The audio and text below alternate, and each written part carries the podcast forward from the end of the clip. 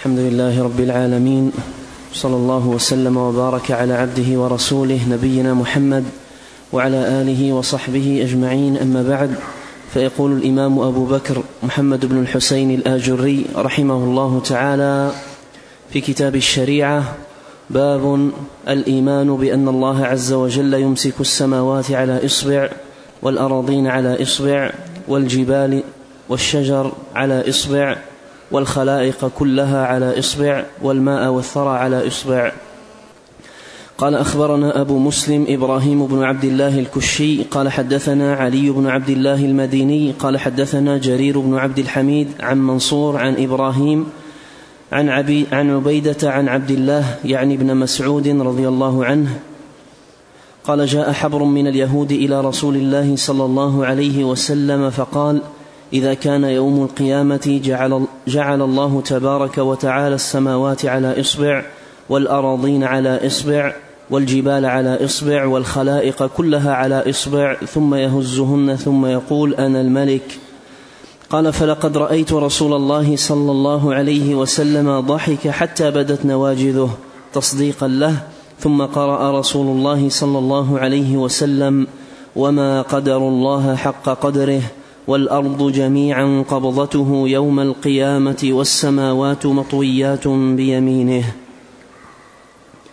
قال وحدثنا أبو بكر عبد الله بن محمد بن عبد الحميد الواسطي قال حدثنا عبد الوهاب الوراق قال أخبرنا هاشم بن القاسم عن أبي معاوية شيبان بن عبد الرحمن عن منصور عن إبراهيم عن عبيدة عن عبد الله رضي الله عنه قال جاء حبر إلى النبي صلى الله عليه وسلم فقال يا محمد أو يا رسول الله إن الله تبارك وتعالى يوم القيامة يجعل السماوات على إصبع والأراضين على إصبع والجبال والشجر على إصبع والماء والثرى على إصبع وسائر الخلق على إصبع ثم يهزهن فيقول أنا الملك.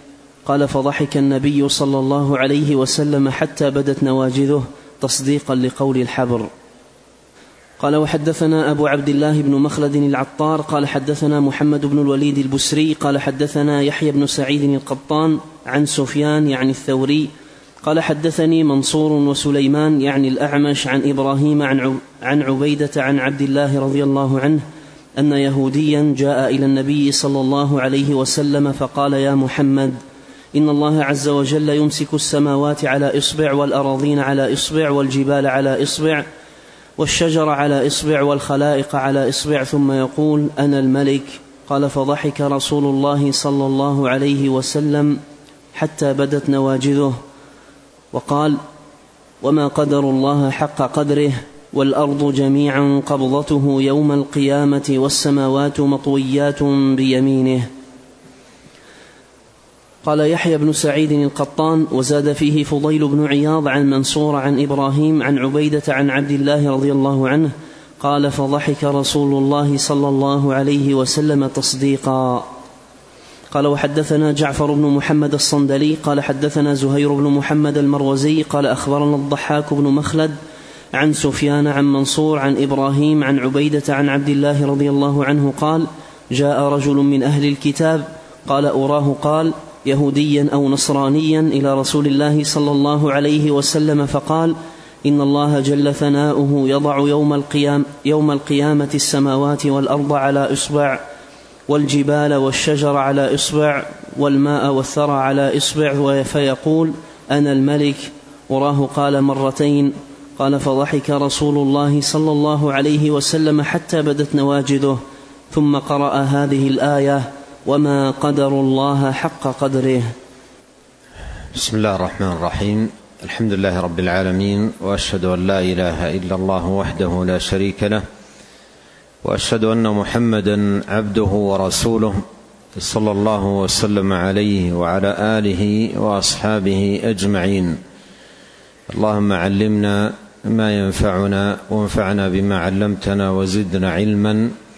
وأصلح لنا شأننا كله ولا تكلنا إلى أنفسنا طرفة عين.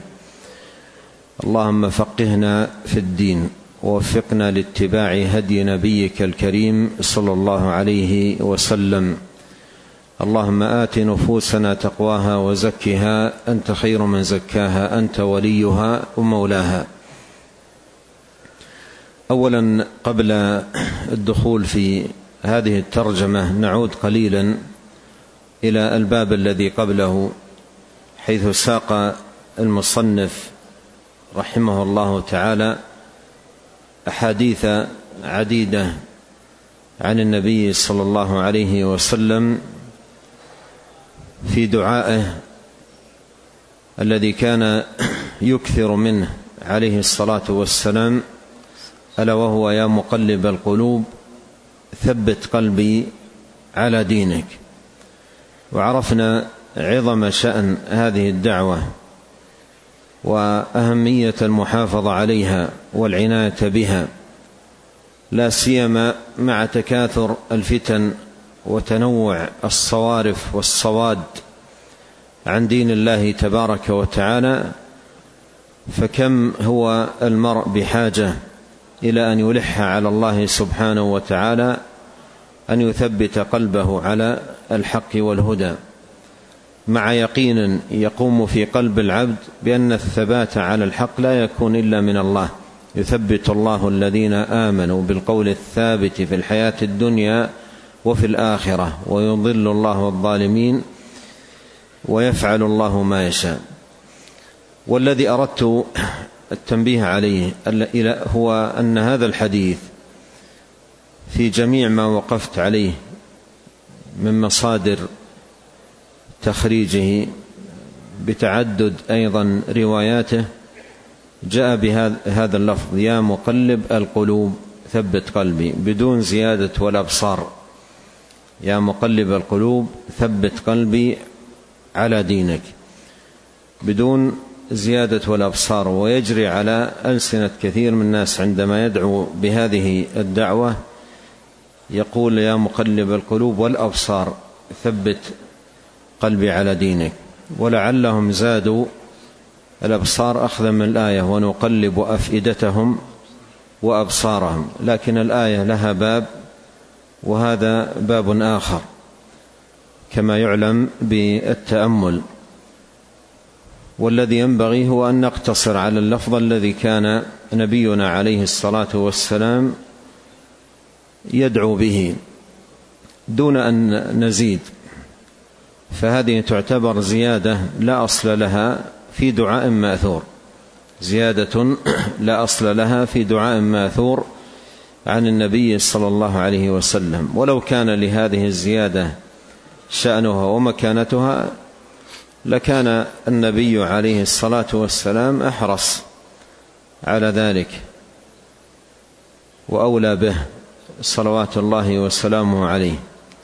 فالحاصل أن هذه الدعوة ينبغي ان يؤتى بها باللفظ الذي كان يواظب عليه نبينا عليه الصلاة والسلام يا مقلب القلوب ثبت قلبي على دينك. وثمة أدعية كثيرة مأثورة عن النبي صلى الله عليه وسلم أدخل فيها الناس الفاظا ليست من لفظ النبي عليه الصلاة والسلام فالحرص على لفظه دون زيادة لا شك لا شك أنه هو الأسد والأولى والأسلم.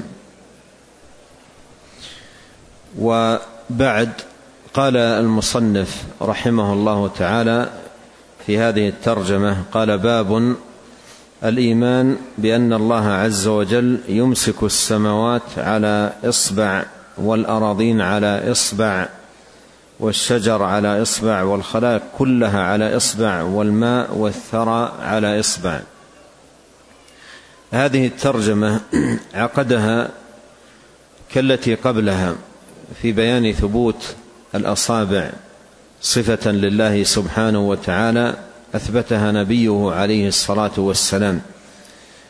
والواجب في مثل هذه النصوص نصوص الصفات أن تعظم في القلوب وان تعرف مكانتها وأن تجار من تحريف المحرفين وتعطيل المعطلين وأن تجار أيضا في الوقت نفسه من تشبيه المشبهين وتكييف المكيفين. فهذه كلها أباطيل.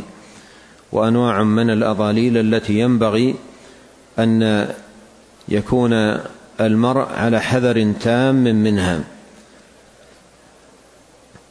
وفي هذه الترجمة أيضا إثبات لعظمة الرب سبحانه وتعالى وأن العباد ما قدروا ربهم حق قدره أي لم يعظموه سبحانه وتعالى حق تعظيمه.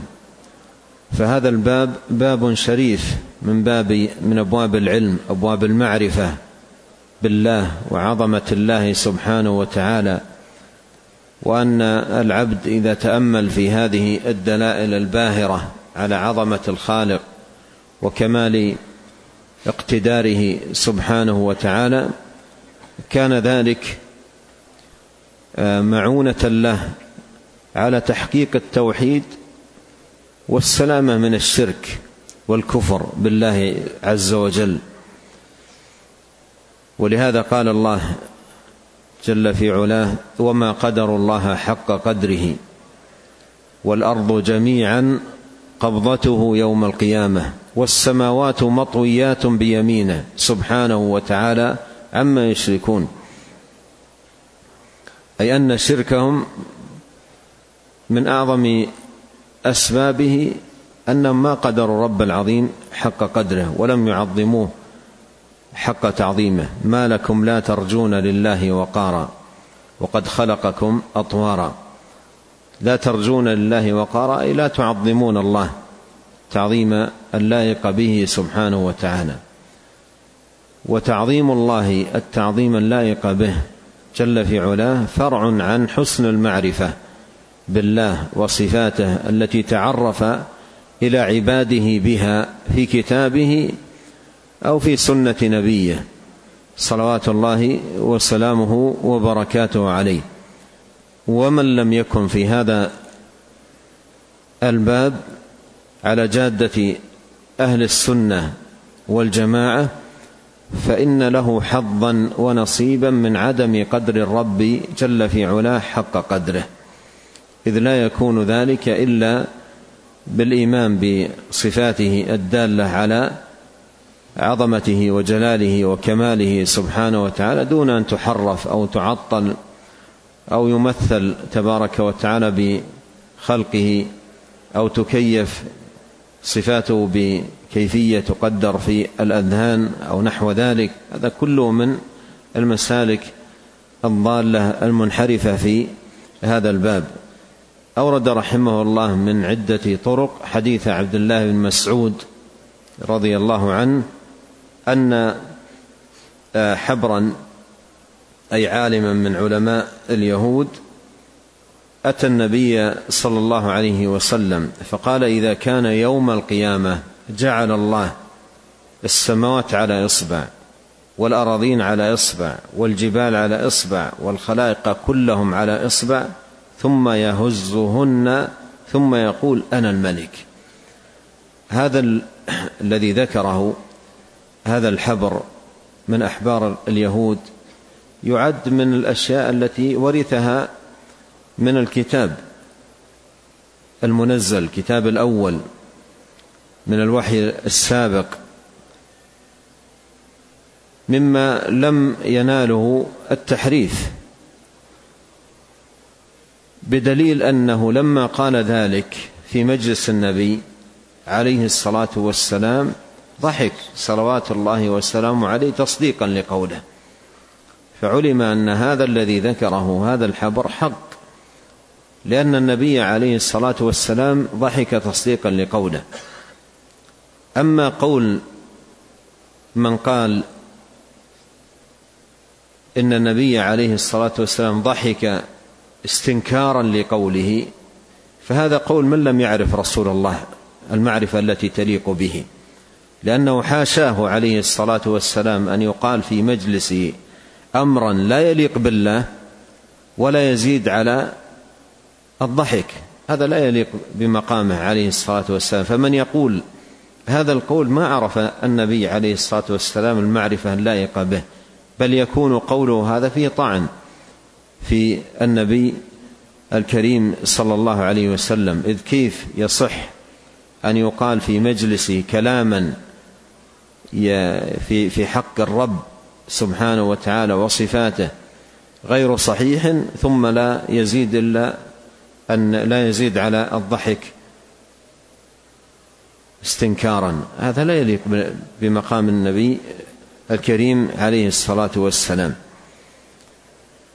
فالنبي كما جاء في قول ابن مسعود الراوي الحديث قال ضحك تعجبا. قال رضي قال نعم قال رضي الله عنه ضحك تصديقا تصديقا لقوله يعني تأييد وتأكيد لقول هذا الحبر من أحبار اليهود. ثم تلا أيضا تأكيدا على هذا المعنى قول الله سبحانه وتعالى وما قدر الله حق قدره والأرض جميعا قبضته يوم القيامة والسماوات مطويات بيمينه سبحانه وتعالى عما يشركون فالحاصل أن هذا النص من النصوص المتعلقة بالصفات الدالة على عظمة الخالق وكماله سبحانه وتعالى إذ هذه المخلوقات على التفصيل الذي جاء في الحديث السماوات على سعتها وترامي أطرافها يجعلها على إصبع والأراضين على إصبع والجبال على إصبع والثرى على إصبع. هذه آية باهرة وعظيمة دالة على كمال عظمة ربنا سبحانه وتعالى وأن هذا الرب العظيم الخالق الجليل جل في علاه ما قدره العباد حق قدره وما عظموه حق تعظيمه سبحانه وتعالى إلا من وفقه الله منهم لحسن المعرفة به وإخلاص الدين له. نعم. قال رحمه الله تعالى باب ما روي أن الله عز وجل يقبض الأرض بيده ويطوي السماوات بيمينه. قال حدثنا الفريابي قال حدثنا عبد الله بن عبد الرحمن السمرقندي قال حدثنا الحكم بن نافع قال حدثنا شعيب يعني ابن أبي حمزة عن الزهري.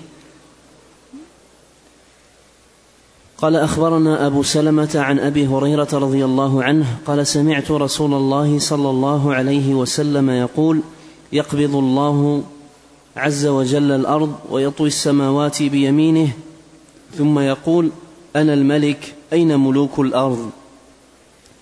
قال وحدثنا أبو عبد الله أحمد بن محمد بن شاهين قال حدثنا الحسن بن عيسى بن بن ماسرجس قال أخبرنا عبد الله بن المبارك قال أخبرنا يونس عن الزهري عن سعيد بن المسيب حدثه عن أبي هريرة رضي الله عنه عن النبي صلى الله عليه وسلم قال يقبض الله عز وجل الارضين يوم القيامة ويطوي السماء بيمينه ثم يقول أنا الملك أين ملوك الأرض؟ ثم عقد رحمه الله تعالى هذه الترجمة ما روي أن الله عز وجل يقبض الأرض بيده ويطوي السماوات بيمينه. هذا فيه إثبات اليد صفة لله سبحانه وتعالى مع ذكر بعض الصفات لليد الدالة على ثبوتها حقيقة لله مثل الطي والبسط والقبض وسيأتي في الترجمة التي بعدها الأخذ. هذه كلها صفات ليد الرحمن سبحانه وتعالى وهي مؤكدة ثبوت اليد حقيقة لله. حتى قال ابن القيم رحمه الله في كتابه الصواعق قال إن اليد وصفت يد الله وصفت بما يقرب من المئة صفة كلها تؤكد أنها يد حقيقية تليق بالله سبحانه وتعالى وبعظمته. ولا يجوز لأي أحد كائنا من كان أن يقيس الله بخلقه أو يتوهم مشابهة بين الله وبين خلقه فإن الله سبحانه وتعالى ليس كمثله شيء. كما أن له ذاتا لا تشبه الذوات فله صفات لا تشبه الصفات بل صفاته سبحانه وتعالى تليق بجلاله وكماله وعظمته وأيضا صفات المخلوقين تليق بضعفهم وفقرهم. ولا يقاس الرب سبحانه وتعالى بخلقه ولا يشبه بالخلق فإنه لا سمي له ولا ند له ولا مثل له ولا نظير له. هل تعلم له سميا؟ ليس كمثله شيء لم يكن له كفوا أحد. فلا تضربوا لله الأمثال الله لا مثيل له ولا سمي سبحانه وتعالى.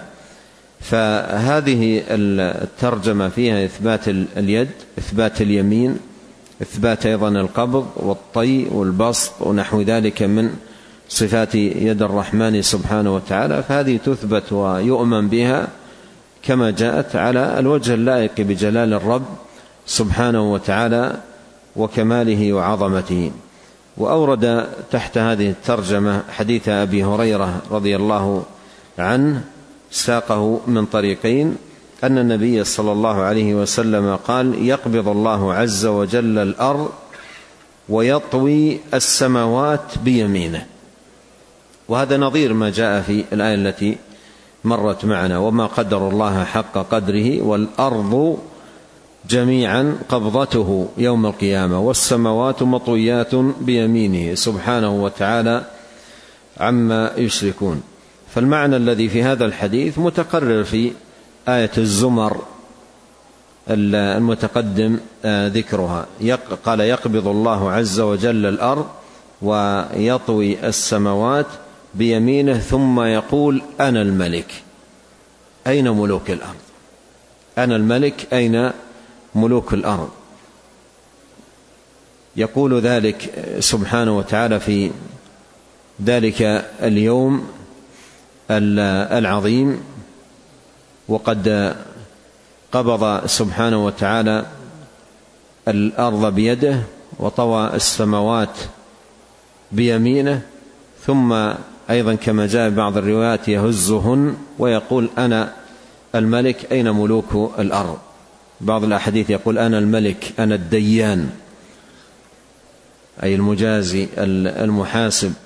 فالتأمل في هذا هذه الأحاديث يكسب القلوب تعظيما لله سبحانه وتعالى ومخافة منه وإشفاقا من ذلك اليوم وملاقاة الله سبحانه وتعالى وأيضا تهيئا لذلك اليوم العظيم. فهذه كلها من آثار الإيمان الصحيح بمثل هذه الأحاديث الثابتة عن الرسول الكريم صلوات الله وسلامه وبركاته عليه. نعم.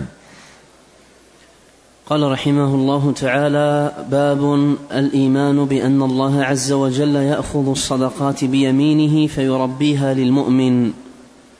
قال حدثنا الفريابي قال حدثنا قتيبة بن سعيد قال حدثنا الليث بن سعد عن سعيد بن أبي سعيد عن سعيد بن يسار أنه سمع أبا هريرة رضي الله عنه يقول قال رسول الله صلى الله عليه وسلم ما تصدق أحد بصدقة من طيب ولا يقبل الله تعالى إلا الطيب إلا أخذها الرحمن عز وجل بيمينه وإن كانت تمرة.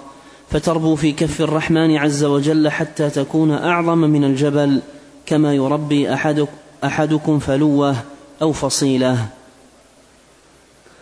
قال حدثنا أبو بكر ابن أبي داود قال حدثنا عيسى بن حماد زغبة قال أخبرنا الليث بن سعد عن سعيد بن أبي سعيد عن سعيد بن يسار أنه سمع أبا هريرة رضي الله عنه يقول قال رسول الله صلى الله عليه وسلم ما تصدق أحد بصدقة من طيب ولا يقبل الله تعالى إلا الطيب إلا أخذها الرحمن عز وجل بيمينه وإن كانت تمرة فتربو في كف الرحمن عز وجل حتى تكون أعظم من الجبل فيربيها كما يربي أحدكم فلوه أو فصيلة. قال وحدثنا أبو محمد يحيى بن محمد بن صاعد قال حدثنا الحسين بن الحسن المروزي قال حدثنا عبد الله بن المبارك قال أخبرنا عبيد الله بن عمر عن سعيد المقبوري عن أبي الحباب عن أبي هريرة رضي الله عنه عن رسول الله صلى الله عليه وسلم قال ما من عبد مسلم يتصدق بصدقة من كسب طيب ولا يقبل الله تعالى إلا طيبا إلا كان الله عز وجل يأخذها بيمينه فيربيها له كما يربي أحدكم فلوه أو فصيله حتى تبلغ التمرة مثل أحد. نعم هذه الترجمة باب الإيمان بأن الله عز وجل يأخذ الصدقات بيمينه فيربيها للمؤمن. هذه الترجمة من باب وكذلك ما سيأتي بعدها من تراجم هي تنويع في الأبواب المثبتة لليد صفة لله سبحانه وتعالى. فالمصنف رحمه الله تعالى نوع في ذكر الأبواب وساق الدلائل والأحاديث عن الرسول الكريم صلى الله عليه وسلم فيما يتعلق بإثبات هذه الصفة العظيمة لله اليد. وأيضا تضمنت هذه الأبواب اوصافا لليد فتقدم معنا في الباب السابق الطي والقبض ومر أيضا في الذي قبله الأصابع من صفات اليد وفي هذه الترجمة الأخذ وإثبات اليمين من صفاتها فهذه كلها صفات لليد وقد جاء في النصوص صفات كثيرة جدا لليد كلها تؤكد ثبوت ثبوتها يدا حقيقية تليق بجلال الرب العظيم وكماله وعظمته سبحانه وتعالى. أورد من طرق حديث أبي هريرة رضي الله عنه أن النبي صلى الله عليه وسلم ما تصدق قال ما تصدق أحد بصدقة من طيب ولا يقبل الله إلا الطيب إلا أخذها الرحمن عز وجل بيمينه. وهذا موضع الشاهد من الحديث للترجمة. إثبات اليمين صفة لله سبحانه وتعالى ومن صفاتها الأخذ قال إلا أخذها بيمينه. وفي الحديث فضل الصدقة وإن قلت وإن كان المتصدق به شيئا يسيرا وأن المسلم ينبغي عليه ألا يحقر من المعروف شيئا ولو تمرة ولو شق تمرة ولو ريالا ولو درهما. المهم في ذلك أن يحسن القصد والنية فينوي بصدقه بصدقته قلت أو كثرت وجه الله. وطلب ما عنده سبحانه وتعالى. ورجاء المضاعفة ومزيد الثواب فإن الله يضاعف جل في علاه لمن يشاء.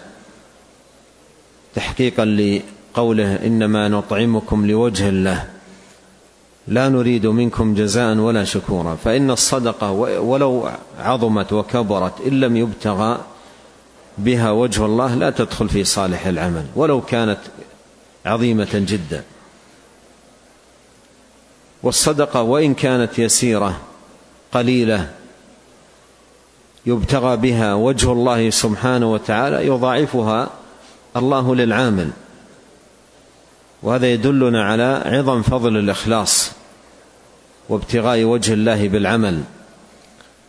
وأيضا يدلنا في الوقت نفسه على أهمية الطيب. وأن الله سبحانه وتعالى طيب لا يقبل إلا الطيب.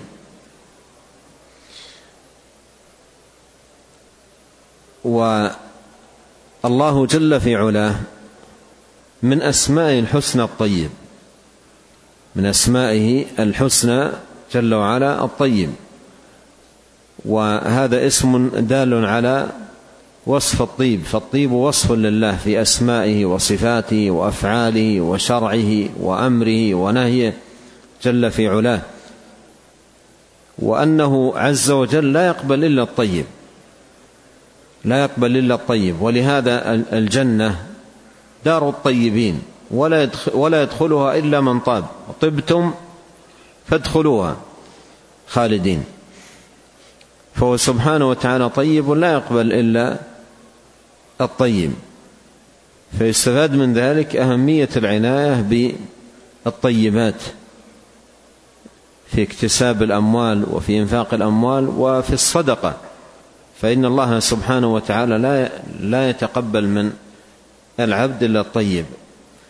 أما الخبيث لا يتقبله منه سبحانه وتعالى. قال ما تصدق أحد بصدقة من طيب ولا يقبل الله إلا الطيب إلا أخذها الرحمن بيمينه إلا أخذها الرحمن بيمينه. قوله ولا يقبل الله إلا الطيب يتناول نوعي الطيب. طيب النية بأن تكون خالصة لله سبحانه وتعالى فإن لم تطب نية العبد لم يقبل الله منه. كما في الحديث القدسي قال الله أنا أغنى الشركاء عن الشرك من عمل عملا أشرك معي فيه غيري تركته وشركه ويتناول أيضا طيب المتصدق به طيب المتصدق به المبذول بأن يكون طيبا أما إن كان خبيثا لا يقبله الله سبحانه وتعالى. قال ولا يقبل الله إلا الطيب إلا أخذها الرحمن عز وجل بيمينه. الأخذ هنا أخذ قبول أخذ قبول لهذه الصدقة ورضا بها. إلا أخذها الرحمن عز وجل بيمينه. وهذه الصدقة ولو كانت شيئا يسيرا يعني جاء في بعض الروايات الحديث ولو كان ولو كانت تمرة أو عدل عدل تمرة حتى لو كانت شيئا قليلا. إلا أخذها الرحمن نعم هنا قال إلا أخذها الرحمن وإن كانت تمرة وإن كانت تمرة تمرة واحدة. قل أيضا ريالا واحدا درهما واحدا خبزة قطعة من من طعام. يسيرا من لحم قليلا من لبن. لا يحقر المرء من المعروف شيئا. لا يحقر من المعروف شيئا. يقول وإن كانت تمرة تمرة واحدة. وإن كانت تمرة. انظر ماذا تكون هذه التمرة الواحدة أو ما يعادلها. تمرة أو عدل تمرة كما جاء في بعض الروايات. قال فتربو في كف الرحمن عز وجل حتى تكون أعظم من الجبل. يعني يأتي المتصدق يوم القيامة فيرى التمرة الواحدة التي قد تصدق بها صارت مثل الجبل. والله يضاعف سبحانه وتعالى لمن يشاء. قال فتربو في كف الرحمن عز وجل حتى تكون أعظم من الجبل كما يربي أحدكم فلوه أو فصيله. الفلو هو ولد الخيل الصغير. وله شأن سبحان الله عظيم عند صاحب الخيل. له شأن عظيم جدا عند صاحب الخيل وله حلاوة في نفسه ومحبة في قلبه وعناية عظيمة بتربيته.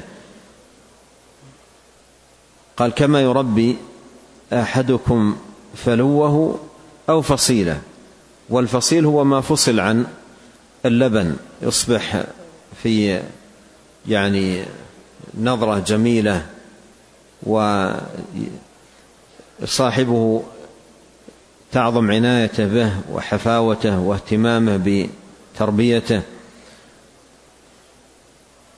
قال إلا تلقاها إلا أخذها الرحمن بيمينه فتربو في كف الرحمن.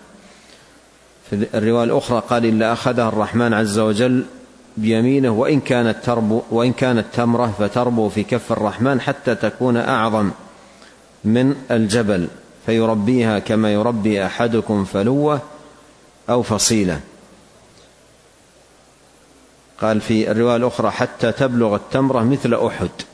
حتى تبلغ التمرة مثل أحد. الجبل الواقع في شمال المدينة.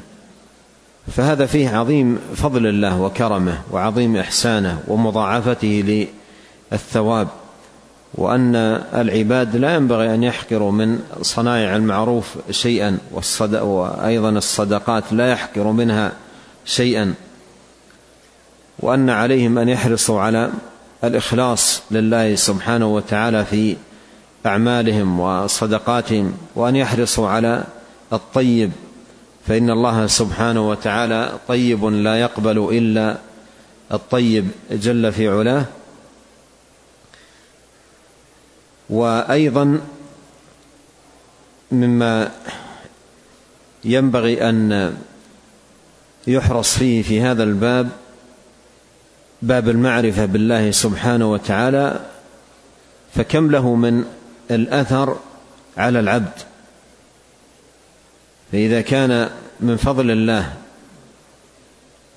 وعظيم منه أن التمرة الواحدة تضاعف هذه المضاعفة فإن ما عند الله للعبد خير وأبقى وأعظم للعبد فهذا يجعل العبد يحسن في نيته وإقباله على ربه وإرادة الدار الآخرة وثواب الله سبحانه وتعالى بأعماله. فتكون أعماله حينئذ مشكورة مرضية عند الله ومن أراد الآخرة وسعى لها سعيها وهو مؤمن فأولئك كان سعيهم مشكورا. الحاصل أن الحديث من جملة أحاديث الصفات من جملة أحاديث الصفات وفيه أيضا من الفائدة أن إثبات الصفات وإمرارها كما جاءت له آثاره العملية في عبودية العبد وسلوكه وحسن أيضا تقربه إلى ربه سبحانه وتعالى. نسأل الله الكريم أن يصلح لنا أجمعين النية والعمل وأن يهدينا إليه صراطا مستقيما.